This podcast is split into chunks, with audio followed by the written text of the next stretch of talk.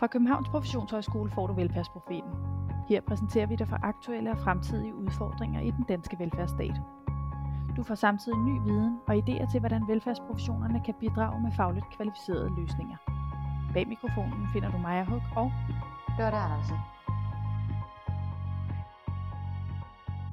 I 2018 vedtog Folketinget en ændring af dagtilbudsloven, der omhandlede nye rammer for styrkede læringsplaner, som skulle være fuldt implementeret to år efter lovens ikrafttrædelse, altså i år, juli 2020.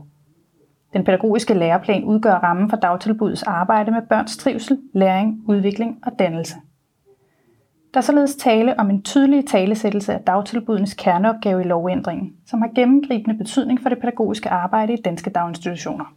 For at sikre, at den nye lovændring blev en reelt integreret og indlejret del af kulturen i den selvejende institution Ribiskoven i Gentofte, indledte daginstitutionsleder Ulla Kvist og lektor Margrethe Andersen fra Københavns Professionshøjskole et samarbejde. Samarbejdet udmundede i et nyt koncept for mus-samtaler med fokus på at styrke koblingen mellem organisationens kerneopgaver og medarbejdernes trivsel og udviklingsbehov. Dagens gæster er Ulla Kvist Ingholm, leder af Ribiskoven. Velkommen til. Mange tak. Og Margrethe Andersen, lektor på Københavns Professionshøjskole. Også velkommen til dig. Tak skal du have. Ja, velkommen til jer begge to. Margrethe, kunne du ikke indlede med at fortælle lidt om MUS-konceptet? Hvad er det, der er så særligt ved det koncept, I har udviklet? Det, der er det særlige ved vores koncept her, det er, at dels så trækker vi på kerneopgaven direkte og spørger medarbejderne, hvordan er det med børns læring, trivsel, dannelse og udvikling. På den anden led i samtalen har vi, øh, inspireret af Vivian Robinson på skoleledelsesområdet, arbejdet med performancemål, det vil sige, hvad kan medarbejderen, øh, så at sige, øh, love lederen, at man kan stå for? Hvad kan man med Taggarts ord hjælpe andre med at lære? Hvor er man så højt oppe i sin læring, at man mestrer det med henblik på at kunne oplære andre? Øh, og hvor har øh, medarbejderen læringsmål, det vil sige noget, man sætter sig for selv at blive dygtigere til, eventuelt sammen med nogle andre. Så, så det hele er altså en, øh, en, en fokusering af kerneopgaven, praksis omkring løfte kerneopgaven, kombineret med, at man sætter sig for at kunne præstere noget og lære noget. Det lyder super spændende, men Ulla, hvordan, hvad var det, der motiverede jer til at gå ind i det her samarbejde? Ja, motivationen lå i, at øh, den styrke læreplan var kommet på banen, og at øh, vi skulle sikre, at øh, læringsmiljøerne skulle styrkes, det vil sige, at vi skulle have fokus på medarbejdernes øh, kompetencer, og hvad var de kun for, at børnene kunne lykkes. Øh, og, øh, og det gjorde vi så ved at øh, begynde at skabe nogle læringsmiljøer. Men ud fra det skulle vi finde ud af, hvad var det reelt, øh, pædagogerne så kunne i deres praksis. Så øh, det blev lidt den her brændende platform for at sige, hvordan lykkes vi godt med det at skabe nogle læringsmiljøer. Kan du sige lidt mere om det? Vi skal være meget mere nysgerrige på børns øh, rejse øh, i 0-6 år, inden, at, øh, inden vi kan lægge et læringsmiljø. Vi kan jo ikke bare sige, at vi gør det og det, fordi hvordan kan vi vide, at vi skal lave præcis det her læringsmiljø, hvis vi ikke har fokus på de her børn? Hele den her lovgivning var jo sådan en ret øh, gennemgribende ændring af den måde, man øh, bedriver pædagogik på, eller tænker pædagogik i børnehaverne og institut eller vuggestuer. Og mus-samtaler, det er jo noget, der kun finder sted typisk en gang om året. Hvorfor tænkte I, at det var et godt sted at øh, lave om eller bruge som implementeringsredskab? Det var jeg var i hvert fald nysgerrig på at sige, at jeg synes, vi kunne rigtig meget i et fællesskab. Men hvad kunne den enkelte medarbejder? Og det vil jeg faktisk gerne sætte lidt mere fokus på, men ikke, hvordan har du, hvordan går det, og kan du klare det osv.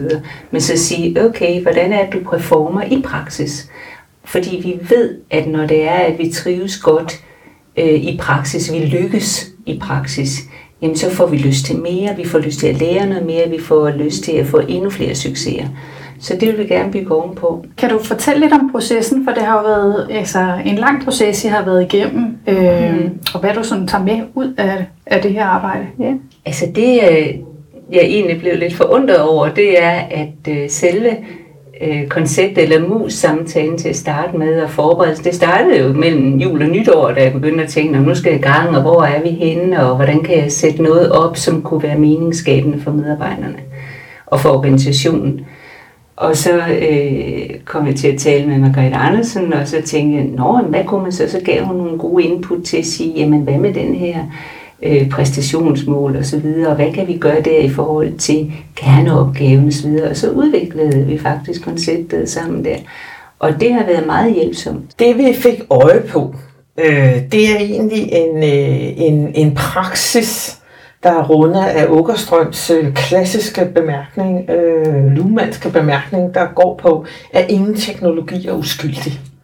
Og det vil sige, at vi ser mus-konceptet som en ledelsesteknologi, det vil sige en måde, lederen bedriver noget ledelse på. Ikke al ledelse, men noget af det. Og øh, det betyder, at den måde, hvorpå lederen bedriver denne her ledelse, vil få en stor betydning i organisationen og, og det efterliv, der vil komme i det tilfælde efter samtalen. Vi får så øje på, at når vi får en lovgivning, der har en tydelig talesættelse på en kerneopgave, der retter sig mod børns udbytte, så kan det ikke nytte noget, at vi har en mus-samtale, der taler om, om medarbejderen synes, det er hyggeligt at være i institutionen, og om man har haft en god dag. Det hænger simpelthen ikke sammen. Formålet hænger ikke sammen med den diskurs, der er indlejret i teknologien. Og det satte vi os for at få det til. Så derfor lavede vi en, øh, en, øh, altså et forberedelsespapir, øh, hvor vi siger, hvordan er det så, at øh, jeres praksis udmyndter sig øh, i læring, udvikling, trivsel og dannelse. De skulle komme med nogle praksisfortællinger. Øh, så de havde otte praksisfortællinger, de skulle flyve ind med øh, til den her trivselssamtale. Så det var et øh, grundigt stykke arbejde, der skulle ske hos den enkelte. Praksisfortællinger, kunne du give et eksempel på, hvad kunne en praksisfortælling være? Øh, det kunne være, at øh, pædagogen kommer ind, eller medarbejderen kommer ind og siger, øh, altså jeg vil gerne tale om, hvordan børn de trives. Øh, og så siger jeg, okay, ind under trivsel, hvad er det så, du fortæller?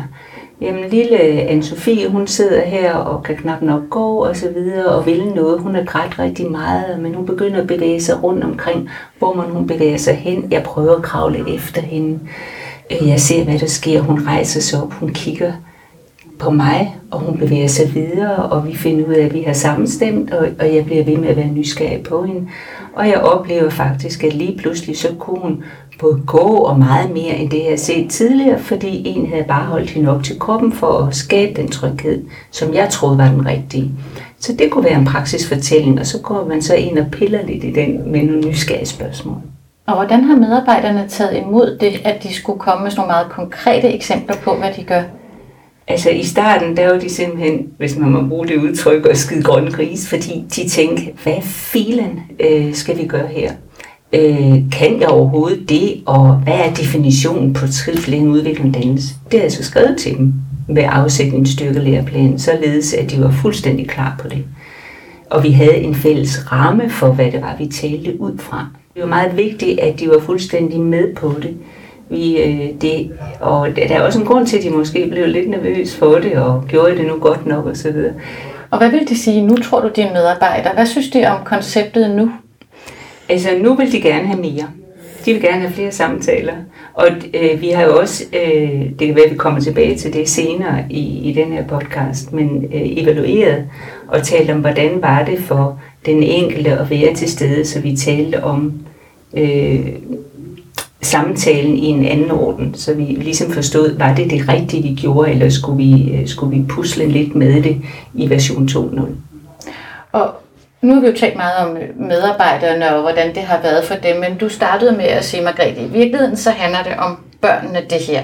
Vi skal flytte fokus fra, hvordan har man det som medarbejder, til hvordan lykkes man som medarbejder til at løse kerneopgaven. Hvordan kan man se, at, øh, at den pædagogiske praksis er blevet opkvalificeret af det her, eller er I kommet tættere på at leve op til lovkravene? Altså vi, kan, vi, altså, vi kan jo snakke lidt om det, Margrethe, mm. men øh, noget af det, øh, det er jo at sige, jamen, hvad er det for nogle tegn, vi ser hos børnene? Hvad fortæller de os, efter vi har været på det her? Og der har vi et eksempel med, at øh, et af de læringsmål, som øh, udmyndtes i fortælling, altså i øh, samtalen, øh, Øh, var, at der var en, der gerne ville lære noget mere om øh, natur og science. Øh, og så tænkte jeg, okay, nu griber jeg simpelthen den bold fordi det, vi skal jo ikke vente med at sætte noget i værk, så det gør vi pronto lige efter samtalen. Hvad kan vi gøre, så det er levende i organisationen løbende? Øh, hun, øh, hun blev så sat sammen med to hardcore naturpædagoger, øh, vi har, øh, ud med de ældste børn med busser øh, her i coronatiden, øh, ud.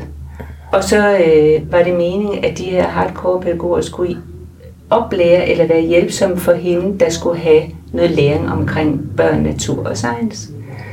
Og de var jo væk fra marts til, til juli øh, og var i gang, og øh, hun havde fået oplært en masse kompetencer på, øh, hvad er det, jeg kan gøre. Og det vi så ser, øh, det, er, det er, at hun udspiller det så ude i vores øh, have, som andre kalder legepladsen. Men øh, der, er vi, der er hun så i gang med at lave noget af det, som hun faktisk lærte derude. Øh, et, et andet øh, signal... Jeg synes måske lige, jeg tænker, at det, der er, er, er rigtig skægt der, det er så, så får du faktisk en forældrehenvendelse. Ja. Øh, på baggrund af det. Ja, det gør jeg, fordi der er, der er så en af de her kommende skolebørns øh, forældre, der siger, Ej, det har altså været et eventyr, øh, at de har været ude så meget, og der er sket så mange ting. Så øh, nu har vi fået en øh, botaniker i vores øh, familie, men vi har faktisk også fået en naturvejleder. Så øh, det her med, hvad vi, hvad vi skal i weekenden sammen osv., det er sådan set ikke noget problem mere. Fordi vores søn han kommer og siger, der er nogle ting, jeg gerne vil vise jer, så vi skal altså i Bøllemosen i weekenden. Og fordi der har jeg noget, jeg gerne vil vise jer, som jeg selv har oplevet. Så læringsfællesskabet breder sig faktisk ud over børnene og Ja. helt ud i familierne. Vi får ligesom understøttet hjemmelæringsmiljøet, uden at vi i talsætter det, men børnene i talsætter det, og det er jo en dejlig ting. Ja. Og jeg synes også, at øh, man kan næsten se den her knæk for sig, og man kan næsten høre den der passion. Og der er det jo vigtigt at sige, at vi ved jo fra alle mulige forskning, at den velfærdsprofessionelle har engang, muligvis for længe siden, men har engang valgt uddannelsen, i det her tilfælde pædagog, fordi man ville noget med børn. Man ville noget for dem med dem. Man ville bringe dem et sted hen. Det er det, pædagogik grundlæggende handler om. Og det vil sige, når du får sådan en tilbagemelding, så får du en kolossal oplevelse af at lykkes med det, der er det, jeg plejer at kalde din hjertemotivation. Den helt grundlæggende forståelse af at lykkes med et fag, som er indlejret i egen identitet. Og det er det, der skaber allermest trivsel. Vi ved jo godt, at frugtordninger og lønforhøjelser og hvad det er, det er quick fixes i forhold til motivation. Men vi ved, at den indre motivation, som trækker på den oprindelige øh, identitet, det er faktisk det, der virker. Og det er her, vi ser, at vi får koblet muskonceptet med kerneopgaven, med børns udbytte, med trivselsoplevelsen og mestringen og læringsprocessen hos den ansatte. Og det, øh, det tænker jeg faktisk bringer organisationen et andet sted hen. Men hvis nu man skulle være lidt djævelens advokat, så kunne man sige, at øh, udvikling og kompetenceudvikling måske har været et klassisk tema i mus-samtaler før. Så hvordan er det, det her kan noget særligt? Hvad er det, det skærper jeres fokus på, det nye koncept? Altså jeg tænker, at øh, den øh, tidligere, den oprindelige, altså det var i begyndelsen af 90'erne, vi startede med muskoncepter, det var sådan lidt, så kunne man ønske sig et kursus eller noget. Det var jo også hyggeligt. Og lidt senere, så havde vi ikke penge til kurser, og så gik vi over til at ønske noget andet. Øh, Det, der sker her, det er, at vi får sat fokus på læreprocesser, der er koblet til den kerneopgave, vi skal lykkes med. Helt tæt. Også fordi datakilden, som vi arbejder med i interviewet, som jo samtalen bliver, øh, det bliver jo et læringsinterview, dybest set. Og det vil sige, at den her datakilde, det er jo i forvejen noget, som man bruger i dagtilbuddet, når man taler om børn og børns læring. Altså det med praksisfortællinger, det er en klassisk datakilde i en dagtilbud. Det forstår man pludselig også nu som, øh, at man som professionel, som medarbejder, hvad skal man sige, tager sin egen medicin. Så det, tænker jeg, giver en anden form for kompetenceudvikling, end at man sidder øh, på et kursus øh, lidt væk, og vi snakker jo her om transfer. Så vi snakker altså her om kompetenceudvikling, båret af lokal kultur, lokal diskurs, samtidig med, at det rækker direkte mellem den pågældende leder og medarbejder, som skal løfte den her kerneopgave. Så jeg tænker, at vi får kortet transfer-udfordringen væsentligt ned her. Men nu er det jo også det er et koncept, og du kaldte det også for en ledelsesteknologi. Og man kan Mm. sige, hvis, hvis man skal se kritisk på Mm. koncepter, så er der jo også tit noget, der bliver skåret fra. Mm. Er der noget, man ikke Mm. kan rumme i den her ramme, som man potentielt går glip af i en mus-samtale? Altså jeg tænker, at det vi går glip af, det er faktisk også det, vi gerne vil gå glip af. Det er nemlig det her fokus på, hvordan har du det? Jo, jeg er her, jeg er så glad for mine kolleger. Og så er historien ikke så meget længere. Altså den her dekobling fra, at jeg er her faktisk af en grund. Jeg er her faktisk for nogle børn. Og det er lige præcis den, vi gerne vil have skåret væk. Og den får vi også væk. Fordi vi får et fokus her på kerneopgaven og de praksisfortællinger, der knytter sig til den, og min mestringsevne i forhold til at løfte den. Øh, og så får vi også indlejret den øh, værdi og den grundlæggende antagelse i organisationen om, at vi er her af det fælles fokus. Og det vil sige, at det bliver heller ikke vigtigt for mig, om jeg kan lide min kollega. Det bliver vigtigt for mig i en organisationskontekst, at vi sammen løser en opgave. Det vil sige, at vi lægger det ud, det vi kalder fælles tredje. Det vil sige, at vi bør også gennem den her teknologi, og det vil jo så vise sig efterhånden, mm. men vi bør faktisk også dæmpe konfliktniveauet i organisationen. Fordi det ikke bliver et spørgsmål om dig og mig, men det bliver et spørgsmål om dig og mig i et fælles tredje. Jeg tænkte mig, jeg prøver at komme ind her, fordi jeg tænker, øh, når man arbejder med selve interviewet, med, fordi det bliver sådan en interviewform, men de kender alle spørgsmål på forhånd. Fuldstændig. Det er alt er transparent. Og der skal jo stor tillid til, til, leder, til ledelse, for at man egentlig kan have det her. Fordi det er også, øh, vi arbejder også meget med den her øh, meningsskabelse for medarbejderne og anerkendelsen af, hvad det er, de mestrer derude, eller skal have hjælp til noget, hvis der er noget, der ikke går så godt osv. Og den øh, fokusering er jo rigtig vigtig at have. Det skal man også kende i sin organisation. Hvordan er det, man arbejder med den transparenthed? Og der har vi simpelthen lagt etikken helt tydeligt ind over, at det her, det er, at hvis der overhovedet er noget, øh, medarbejderen tænker, oh, det bliver svært det her, det vil jeg gerne holde lidt for mig selv, men alligevel har brug for at sige det, så har vi et lukket rum. Altså vi er meget ordentlige på det. Og så siger vi, hvad kan vi så dele med kollegaerne?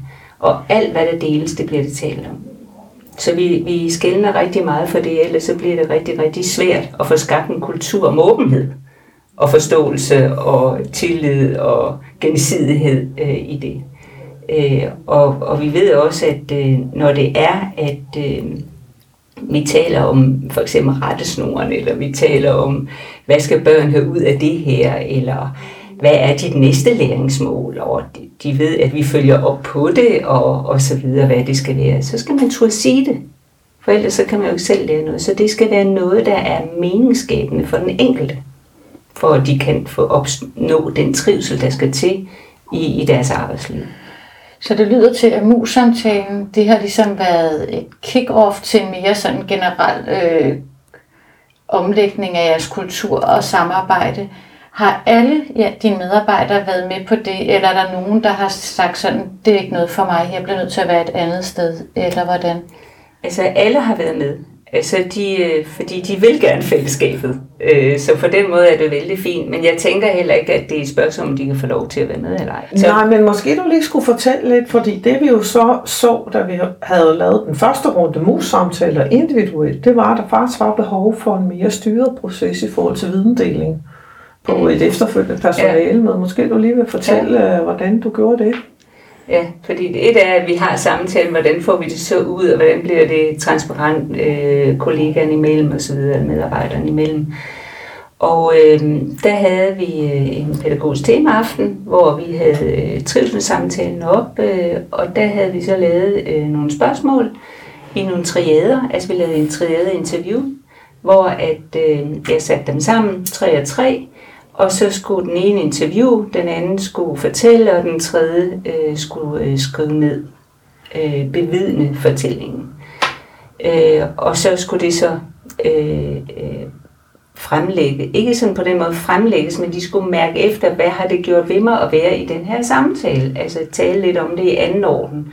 Hvad, hvad fik jeg egentlig ud af den samtale? Så øh, de sagde, at de ville faktisk rigtig gerne have mere af den slags. Og de synes, selve forberedelsen, det at de skulle gå ned i egen praksis og lave otte praksisfortællinger, fire på præstationer og fire på læringsmål, øh, det havde de været så optaget af derhjemme. Så det havde givet god mening. De var jo nærmest sådan i flow på at sige, wow. Øh, og så, så, så talte I jo kun med mig om det, jeg var optaget af. Altså det var også sådan, wow, du har ikke travlt med at komme til det næste, men du lyttede jo ind til og så videre. Så vi fik en ny position ind i det. Så selvom formen var meget styret, mm. så gav det til gengæld medarbejderen frihed til, at de ja. kunne få lov at styre temaerne.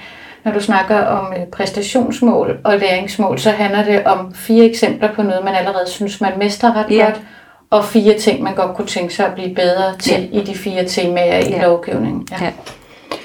Jeg kan huske, at vi snakkede, Margrethe, indledningsvis mm. øh, og skulle forberede den her mm. podcast. Der mm. sagde du, at det også var med til at øge professionsidentiteten mm. og, og tale på den her måde. Mm. Kunne I prøve at sige lidt mere om det? Altså, jeg er jo meget optaget af, at øh, hvis vi arbejder, eller når vi arbejder med professioner, så handler det om mennesker, der er øh, øh, videns øh, informeret uddannet til at træffe selvstændige øh, praksisbeslutninger, praksisvalg i praksis. Det betyder, at den professionelle dommekraft bliver fuldstændig essentiel.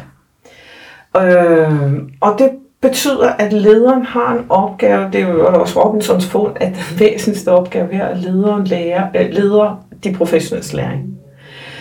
Og det, der sker her, det er, at vi får øh, en refleksiv praksis ind i forhold til professionel dømmekraft, som trækker på, at vi netop sætter almen viden sammen med en konkret øh, Øh, en, en konkret øh, hændelse eller praksis øh, som professionelle. Og i nuet, når vi står på legepladsen, så har vi et batteri af almen viden om børn, leg, læring, hvad som helst, som gør, at vi kan træffe det valg, hvor vi tænker, at her får vi den bedste betydning, eller den bedste effekt ud af det. Øh, det betyder jo faktisk, at det skal gå ret hurtigt op i hjernen, fordi pædagogik er altså en hurtig fag på den måde, at der sker mange ting på en legeplads. Øh, og det betyder omvendt, at vi er nødt til at træne i et langsomt tempo.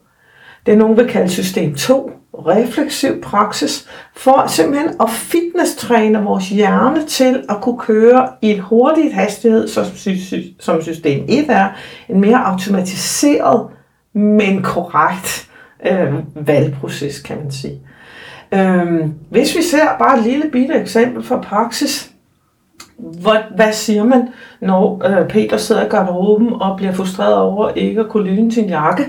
Hvad er det næste, du siger? Så kan vi godt fornemme, hvor hurtigt det her valg det skal gå. Så hvis ikke lederen sætter sig for at lære de professionelle og vedligeholde de professionelle niveau, i at tænke dømmekraftmæssigt korrekt, men i et højt tempo, så kan de, ikke, så kan de simpelthen ikke præstere i pædagogisk praksis. Så det er det, det her, jeg tænker, at det bliver helt essentielt at få alle teknologier, både mus, men også mange andre teknologier, til at hjælpe organisationen med den her praksis ongoing. Og der kan de otte praksisfortællinger, det kan være en af de træningsredskaber, ja. der kan holde en fedt.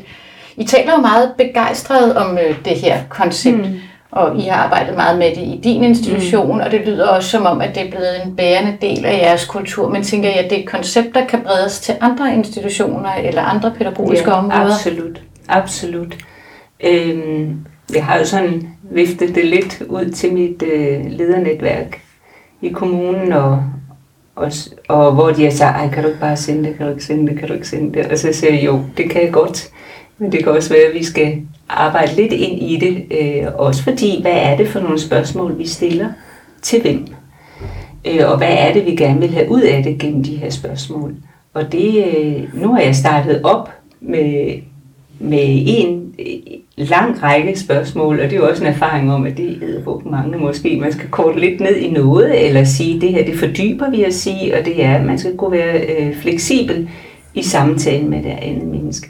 Så det er i hvert fald noget, jeg tænker, man kan arbejde videre med, eller det har jeg i hvert fald tænkt mig, at vi skal gøre, og så sige, hvad bringer, hvor bringer det os så hen, hvis vi, hvis vi arbejder med en anden type spørgsmål til de her medarbejdere. Så det lyder lidt som, der er to ting i det. Der er både, at man ikke kan tage konceptet bare en til en, man er også nødt til at have en forståelse bag noget af det, jeg har talt om i dag, at det også er en del af en læringskultur, Ja. og så skal man også øh, på en eller anden måde personligt gøre det til sin egen institution Det skal og tilpasse. tilpasses. Ja. Det skal tilpasses, fordi ellers så kan man jo arbejde i øst og vest, og ingenting bliver godt. Så vi skal tilpasse os organisationen og de mennesker, der bor i den organisation. Og det er det her med øh, at være nysgerrig på mennesket i organisationen og finde ud af, hvor er vi henne, og hvordan bringer vi det op i en organisk øh, organisering. Altså hele tiden bearbejde og mærke efter og flytte på noget, og noget nyt kommer til. Altså, fordi vi har lavet en ramme for noget, er det jo ikke den eneste sandhed. Men jeg synes, hvis man skulle tale om én sandhed, så synes jeg, det er meget fantastisk for os at få lov til at lave det her forarbejde, og til at lave alle de praksisfortællinger. Altså den styrke læreplan, der skulle beskrives så videre, der er så meget råstof til bare at få det skrevet ind, således at det man også skal, bliver et øh, virkeligt billede af, hvad Ribeskoven mestrer. Men ja, det kan udbredes, men det er også noget, der skal udforskes og, og arbejdes med. Øh, selve praksisfortællingerne er en god sandhed at have, når man skal tale om mus-samtaler. Øh, så det ligger i, i det menneske, der kommer ind, og man skal gøre. Selve spørgsmålstyperne kan være foranderlige ud fra hvilken ledelse man har i institutionen, og hvad man selv kan mestre som leder. Fordi det skulle gerne være en succes, fordi hvis lederen ikke kan stille nogle gode spørgsmål, så må hun have det lært. Så udover den her lokale modellering og udvikling, er der også noget på sådan den mere skarpe konceptside, I er i gang med at videreudvikle? Altså jeg tænker, at det er helt afgørende, at vi respekterer, at der altid på alle koncepter i organisationsudvikling skal foregå lokal tilpasning.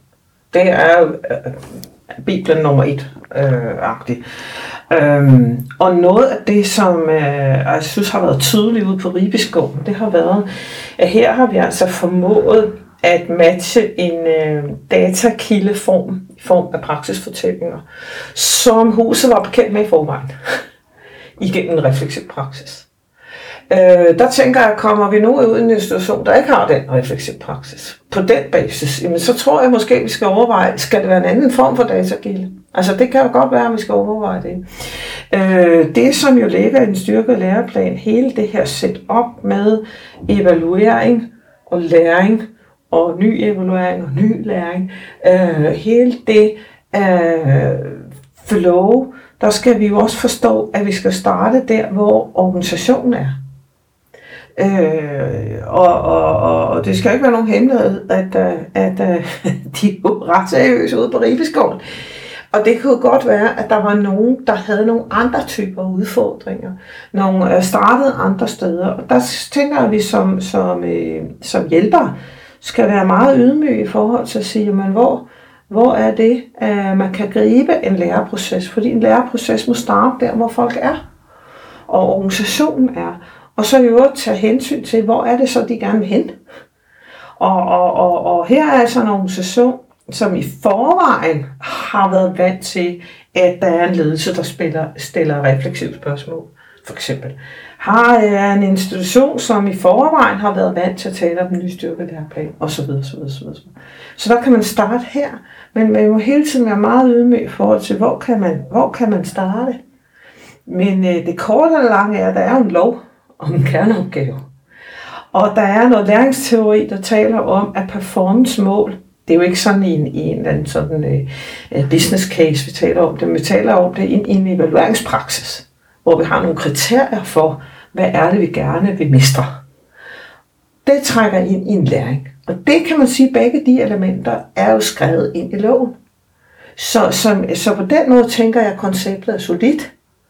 Øh, tilpasningen, hvor er vi på læringsrejsen, det er det, der hele tiden skal være en stor øh, øh følelse, øh, følelse af, øh, hvor, øh, hvordan matcher vi det.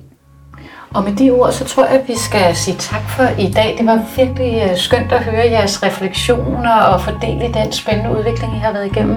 Ja, tak fordi I kom. Ja, tak. Velkommen. Nå, Lotte, hvad synes du var interessant her? Det er, jeg synes, det var ret spændende, hvor meget en øh, mus-samtale faktisk kan føre med sig. Jeg synes også, det her med koblingen mellem det individuelle og det organisatoriske er super spændende. Men jeg tror, at det, jeg blev allermest optaget af, det er, at der pludselig bliver et sprog for, hvad er det egentlig, det pædagogiske arbejde kan? Hvad er det daginstitutioner? Hvordan kan de faktisk ruste børnene til at udvikle sig til gode og sunde voksne? Og hele det her læringsmiljø, det synes jeg var spændende. Hvad tænkte du, Maja? Ja, det bliver jeg også grebet af. Og så det her med, at når man starter med børnene, at så det, det i virkeligheden ikke bliver, altså det, for det kunne man måske godt have en tanke om, det blev sådan reduktionistisk, at der var noget, der så ikke kom med, men at det faktisk var noget, medarbejderne var rigtig glade for, fordi det skærpede et fokus i stedet for. Og så synes jeg altid, det er interessant at få nogle eksempler, konkrete eksempler på, når man sidder med en vidt løftig reform, hvordan er det, det overhovedet får en betydning ude i praksis. Og det synes jeg, det her eksempel skitserede den trappe, kan man sige, meget godt. Ja, så det her at arbejde med konkrete praksiseksempler og koble til en bekendtgørelse eller en lovgivning i forhold til omsæt. Ja, jeg var, jeg er enig, det var meget spændende. Ja. Ja, så det er spændende at følge og se, uh, måske komme tilbage om et års tid og høre, hvad der så sker i næste trin. Ja, lige præcis. Og husk at finde Velfærdsprofeten på din podcast-platform øh, og abonner. Tak for i dag.